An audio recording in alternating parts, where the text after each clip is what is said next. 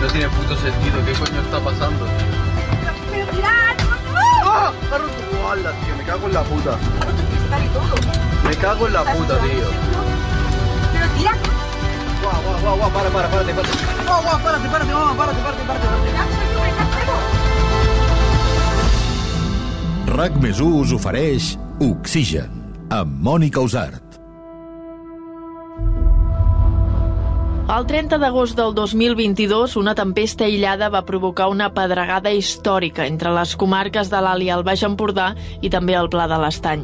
Una nena de 20 mesos va perdre la vida i va haver una setantena de persones ferides, taulades i cotxes van quedar totalment destrossats i es van perdre collites. Què va passar aquell dia? Com es van formar aquelles pedres tan enormes aquí, a casa nostra? En aquest capítol ho intentarem explicar.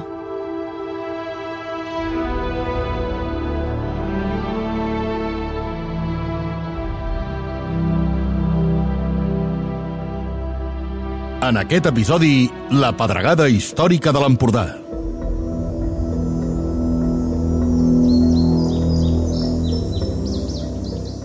Estàvem a punt d'acabar un mes d'agost càlid o molt càlid, fins i tot en alguns punts superant el mític 2003. Havia sigut un mes de calor persistent, sobretot la primera quinzena, i amb temperatures que havien superat els 40 graus a les comarques del sud. A Vinebre es va registrar una màxima de 43,6, un mes de calor combinat amb tempestes de tarda que van afectar sobretot la meitat nord del país. Vinga, va, que és dimarts. Dimarts 30 d'agost del 2022. Avui ser un dia de xafogó i de molta calor. De fet, a aquesta hora ha moltes temperatures se situen per sobre dels 20 graus. Durant el matí hi haurà més estones de sol i a la tarda s'esperen ruixats al Pirineu, punts de l'interior i del prelitoral. Descarregaran puntualment amb intensitat tempesta, pedra i vents forts. D'aquesta manera començava el programa el dia 30 d'agost, amb una previsió que dia a dia s'havia anat repetint. De fet, dels 31 dies d'agost, 29 havia plogut en un lloc o altre. Dir pedra, tempesta o vent fort no era notícia, però ni de bon tros ningú s'imaginava que la mida de la pedra d'aquell dia seria històrica. Oxigen. Eren gairebé dos quarts de sis de la tarda quan es va formar una tempesta a cavall del Ripollès i l'Alt Empordà. El núvol va tenir un creixement explosiu i en tan sols 18 minuts va créixer 10 quilòmetres d'alçada. De fet, aquest cumulonimbus va arribar a fer uns 20 quilòmetres d'alçada, unes dimensions poc habituals a les nostres latituds. Aquests núvols més desenvolupats són els que acostumen a portar fenòmens més extrems. La tempesta va començar a descarregar l'Alt Empordà i va anar avançant, va travessar el Pla de l'Estany i finalment va arribar al Baix Empordà. Aquell dia estàvem a casa i estàvem muntant uns armaris a l'habitació del meu fill petit Pere Saurina, veí de la Bisbal d'Empordà. i estàvem muntant i en, en un moment determinat vaig pujar al pis de dalt i al pujar al pis de dalt es veu el cel cap a la part de Girona, diguem-ho així.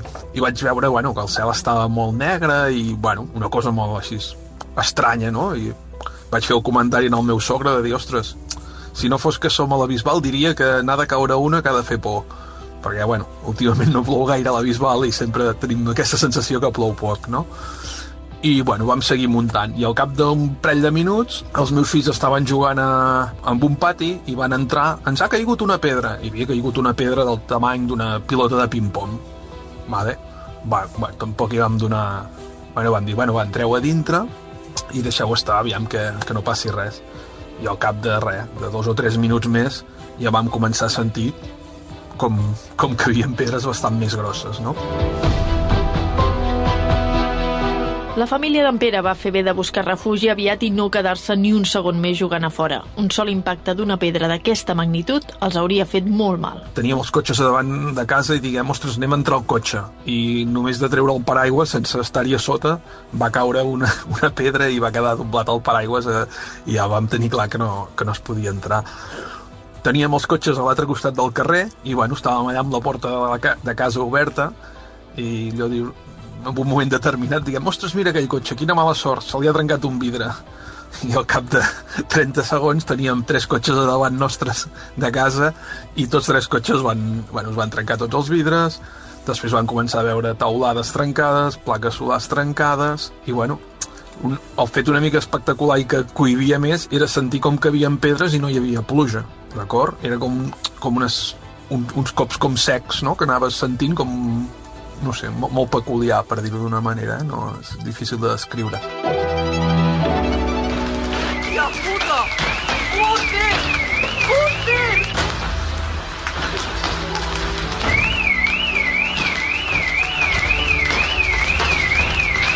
Déu meu senyor! Déu meu!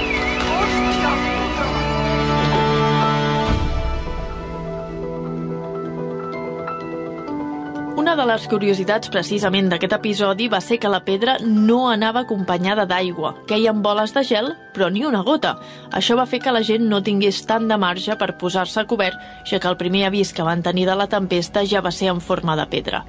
El motiu encara s'està analitzant, però s'explicaria per la força bestial que tenia el corrent ascendent del núvol i que va aguantar tot el contingut d'aigua a les parts més altes del núvol. Es congelaven directament i en precipitar, en caure, aquest gel, pel pes que tenia, no tenia temps de passar a líquid. Però tot plegat de moment només és una hipòtesi.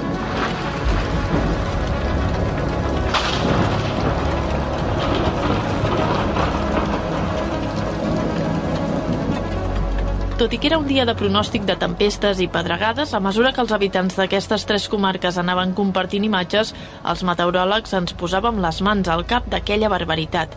I poc o molt, a tots ens va venir al cap un nom, Carme Farnell. Dins del món de la meteo a Catalunya, ella és un referent d'aquest tema. On era? Què estava fent? S'ho esperava la Carme? Doncs mira, la setmana prèvia, de dilluns a diumenge, nosaltres al Meteocat anem per torns. Carme Farnell, experta en pedregades. Llavors vaig treballar de nit i el dilluns a les 6 del matí acabava de treballar, vaig agafar el tren, vaig anar cap a Palau, d'Anglesola, que és el Pla d'Urgell, i era festa major. Total, que el dimarts, que és quan va pedregar, estàvem al camp de futbol que feien el partit de futbol de, del poble, de festa major, i llavors, bueno, em van trucar mirant tuits, tal qual, sort que vaig agafar l'ordinador per anar al poble, i em vaig assabentar de la pedregada que hi havia. Vaig anar corrent cap a casa i a mirar tota la informació, trucant amb la gent de Meteocat que estava treballant, hi havia un vigilant, la responsable i la predictora, i llavors em va estar comentant a veure què havia passat. I llavors ja a premsa que anava arribant per totes bandes. A la Carme li costava de creure allò que veia. Què està passant? M'ho estic perdent. Llavors ho vaig compartir amb els amics amb els que estava allà al camp i, i a córrer a veure què era. Vaig començar a mirar el radar a veure d'on venia i clar, aparentment era un nucli no era més que una cel·la de tempesta i hosti, com pot ser que estigui passant això, verificant que fos certa la informació i després quan vaig arribar a casa ja analitzant més, més aspectes. Mentre les dones i els homes del temps de Catalunya no deixàvem de reproduir incrèduls les imatges que veiem, a la Bisbal el panorama després de la tempesta era desolador. Van ser 10 minuts o 12, no sé exactament, eh, quan, quan van ser, i res, un cop passat, bueno, veus tota la destrossa que va provocar, hi ha d'arbres, eh, teulades, passaves per caminant per la Bisbal, doncs, tots els cotxes, tots els vidres trencats, a la zona del, del passeig moltes branques a terra, bueno, no sé si com la guerra no, però quasi, quasi. En veure aquelles imatges, els mitjans de comunicació es van posar en marxa per informar del que havia passat. Nosaltres érem a la redacció que sí que veiem que a Girona Mar Sui, periodista del diari de Girona.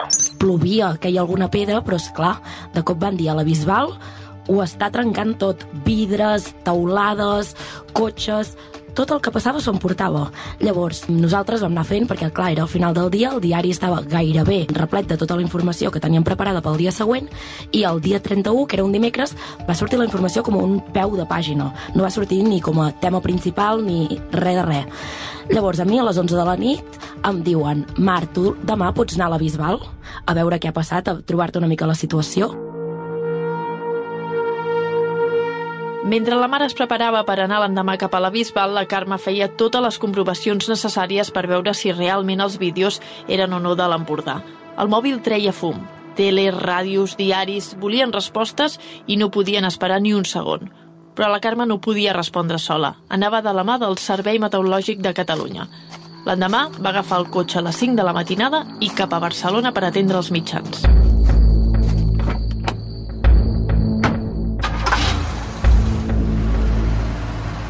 Al matí següent, les imatges a la Bisbal d'Empordà, un dels municipis més afectats, eren de pel·lícula. No, jo l'endemà m'aixeco, agafo el cotxe, me'n vaig cap a la Bisbal i em trobo una ciutat pràcticament trencada, una ciutat desolada, que no sabien què havien de fer. No hi havia, vull dir, no es movien cotxes, no es movia ningú. Era tot desèrtic com a molt veies cues de 8-10 persones a diferents asseguradores de la ciutat, de gent esperant per ser tesa per a veure si li podien arreglar la teulada, si li podien arreglar els vidres del cotxe, amb claraboies de casa que havien que s'havien trencat i no hi havia pas manera de reparar-les. I és clar, tot això sumat a que una nena el dia abans havia rebut un cop de pedra al cap i aquella matinada mateixa va morir al trueta i justament vam passar pel carrer on vivia la família de la nena. Hi havia tres o quatre familiars a fora trencats no s'hi pot dir més. Igual que tota la gent del poble, perquè al final només es comentava això, tu senties silenci, com a molt, la conversa de dos o tres persones parlant de les destrosses que havia causat aquella calamarsada. Oxigen. La pedregada històrica d'ahir a la tarda a l'Empordà deixa un balanç tràgic. Aquesta nit ha mort una nena de només 20 mesos que havia quedat ferida greu arran de la tempesta de pedra que va descarregar amb aquestes pedres que deien de gel de 11 centímetres. De fet, estem parlant d'un episodi tan breu com intens. Va durar uns 10 minuts només, però, segons el Servei Meteorològic de Catalunya, la mida dels trossos de gel que es van recollir ahir és la més gran, com a mínim, dels últims 20 anys. Durant la nit va arribar la pitjor notícia. Una nena de 20 mesos havia mort a causa de l'impacte d'una pedra. Això va convertir la pedregada en històrica per la mida dels blocs de gel i també per ser mortal. Segons dades del European Severe Weather Database, a Europa feia 25 anys, des del 1997, que no moria ningú a causa d'aquest fenomen. Les últimes quatre morts s'havien registrat a Romania, el juny del 97. Catalunya va trencar aquell 30 d'agost aquest registre. 7 centímetres tenim tres registres que s'havien produït a Osona, després al Pla d'Urgell i dos vegades al Pla d'Urgell i una a Osona. Però de 10 centímetres no se n'havia produït mai, a Europa en tenim pocs registres i els màxims que jo he vist i que m'han explicat a congressos internacionals que anem de pedregades és això a Estats Units. Estats Units i cap a Sud-amèrica. De manera oficial es va comunicar que la mida de la pedra havia arribat als 10 centímetres, però veïns de la zona asseguraven que fins i tot els superaven em vaig trobar una dona, per exemple, també que em deia que ella passejava a quarts de vuit del dia anterior amb la seva filla pel carrer i cada cop va caure una pedra. En va caure una altra i que al cap de dos minuts queia al cel. Ella em va dir, literalment, van caure bombes del cel.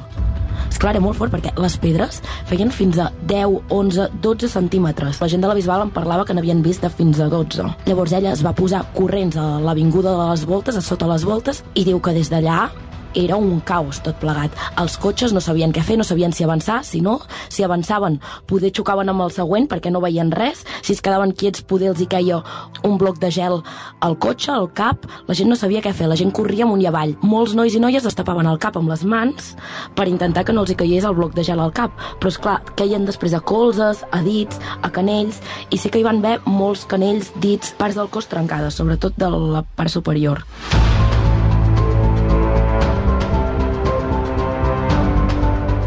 Les pedregades van deixar destrosses difícils de calcular i va haver assegurances que veient les grans destrosses no ho van poder cobrir tot. I gairebé mig any després encara hi ha coses que no estan arreglades. Jo crec que la gran majoria de taulades ja estan arreglades, que era el que afectava més a tothom, diguem-ho així, però encara en queden i unes quantes. Clar, eh, hem passat de, de veure un carrer amb paletes o a per tot arreu, eh, que ara eh, pues, pues n'hi ha menys. No?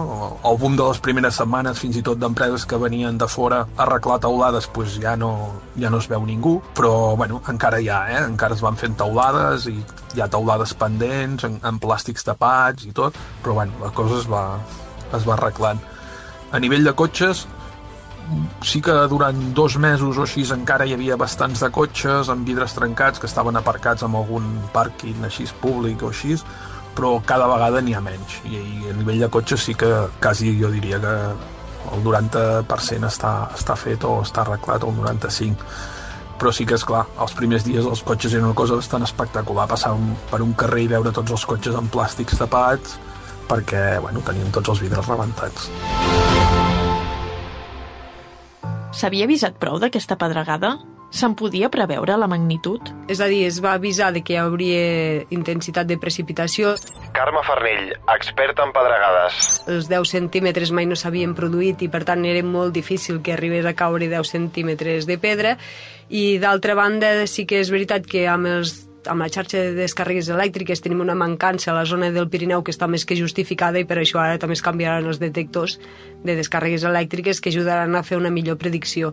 O si no, sí que tenim una eina, que és l'Ainijam, que ajuda a avisar a temps violent, i potser, si hi hagués hagut una major...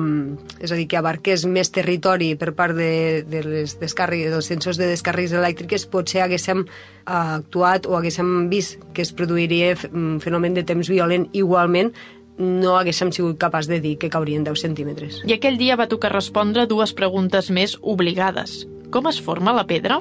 A trets bàsics i per una tempesta general que pot haver pedra i quan no pot haver-hi pedra. El que necessitem inicialment és calor, és a dir, que hi hagi superfície que faci calor per iniciar aquesta convecció, després un aport d'humitat i a partir d'aquí comencen a créixer els cumulonimbus. També necessites eh, una certa inestabilitat amb alçada perquè hi hagi aquest refredament, aquest contrast de temperatura entre les capes més altes i en superfície i així va creixent.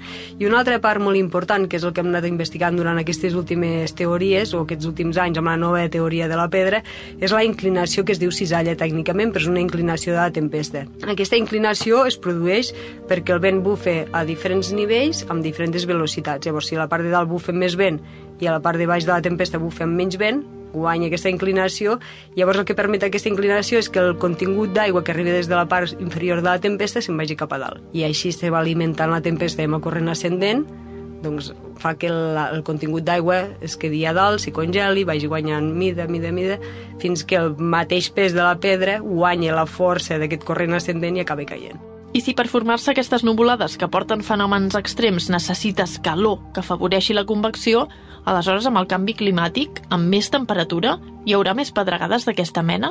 Tots els indicis del canvi climàtic eh, diuen que anem a fenòmens més extrems i segurament amb les pedregades potser també. L'únic que no està demostrat perquè potser aquest proper estiu no tenim pedregades. O potser sí, no ho sabem com serà l'estiu. Llavors, el fet de que sigui un fenomen tan irregular, tant en el territori com també temporalment, fa que la predicció a llarg termini de les pedregades no, no se sàpigui massa per on va, ni a nivell internacional ni a Catalunya. Jo, per exemple, aquest passat estiu estava al juliol i dic, ai, que em quedaré sense feina, que no podré investigar més pedregades, i la cosa va ser que no hem parat, cada dia hi havia pedregades. Ho hem d'anar seguint, estudiant i mirant que, també què passa a la resta del món. L'endemà de la pedregada el temps tampoc va donar treva i mentre la Carme estava de vigilant contestant totes aquestes qüestions, es va formar un tornado entre Sabadell i Barberà del Vallès i un esclafit a Vilafranca del Penedès.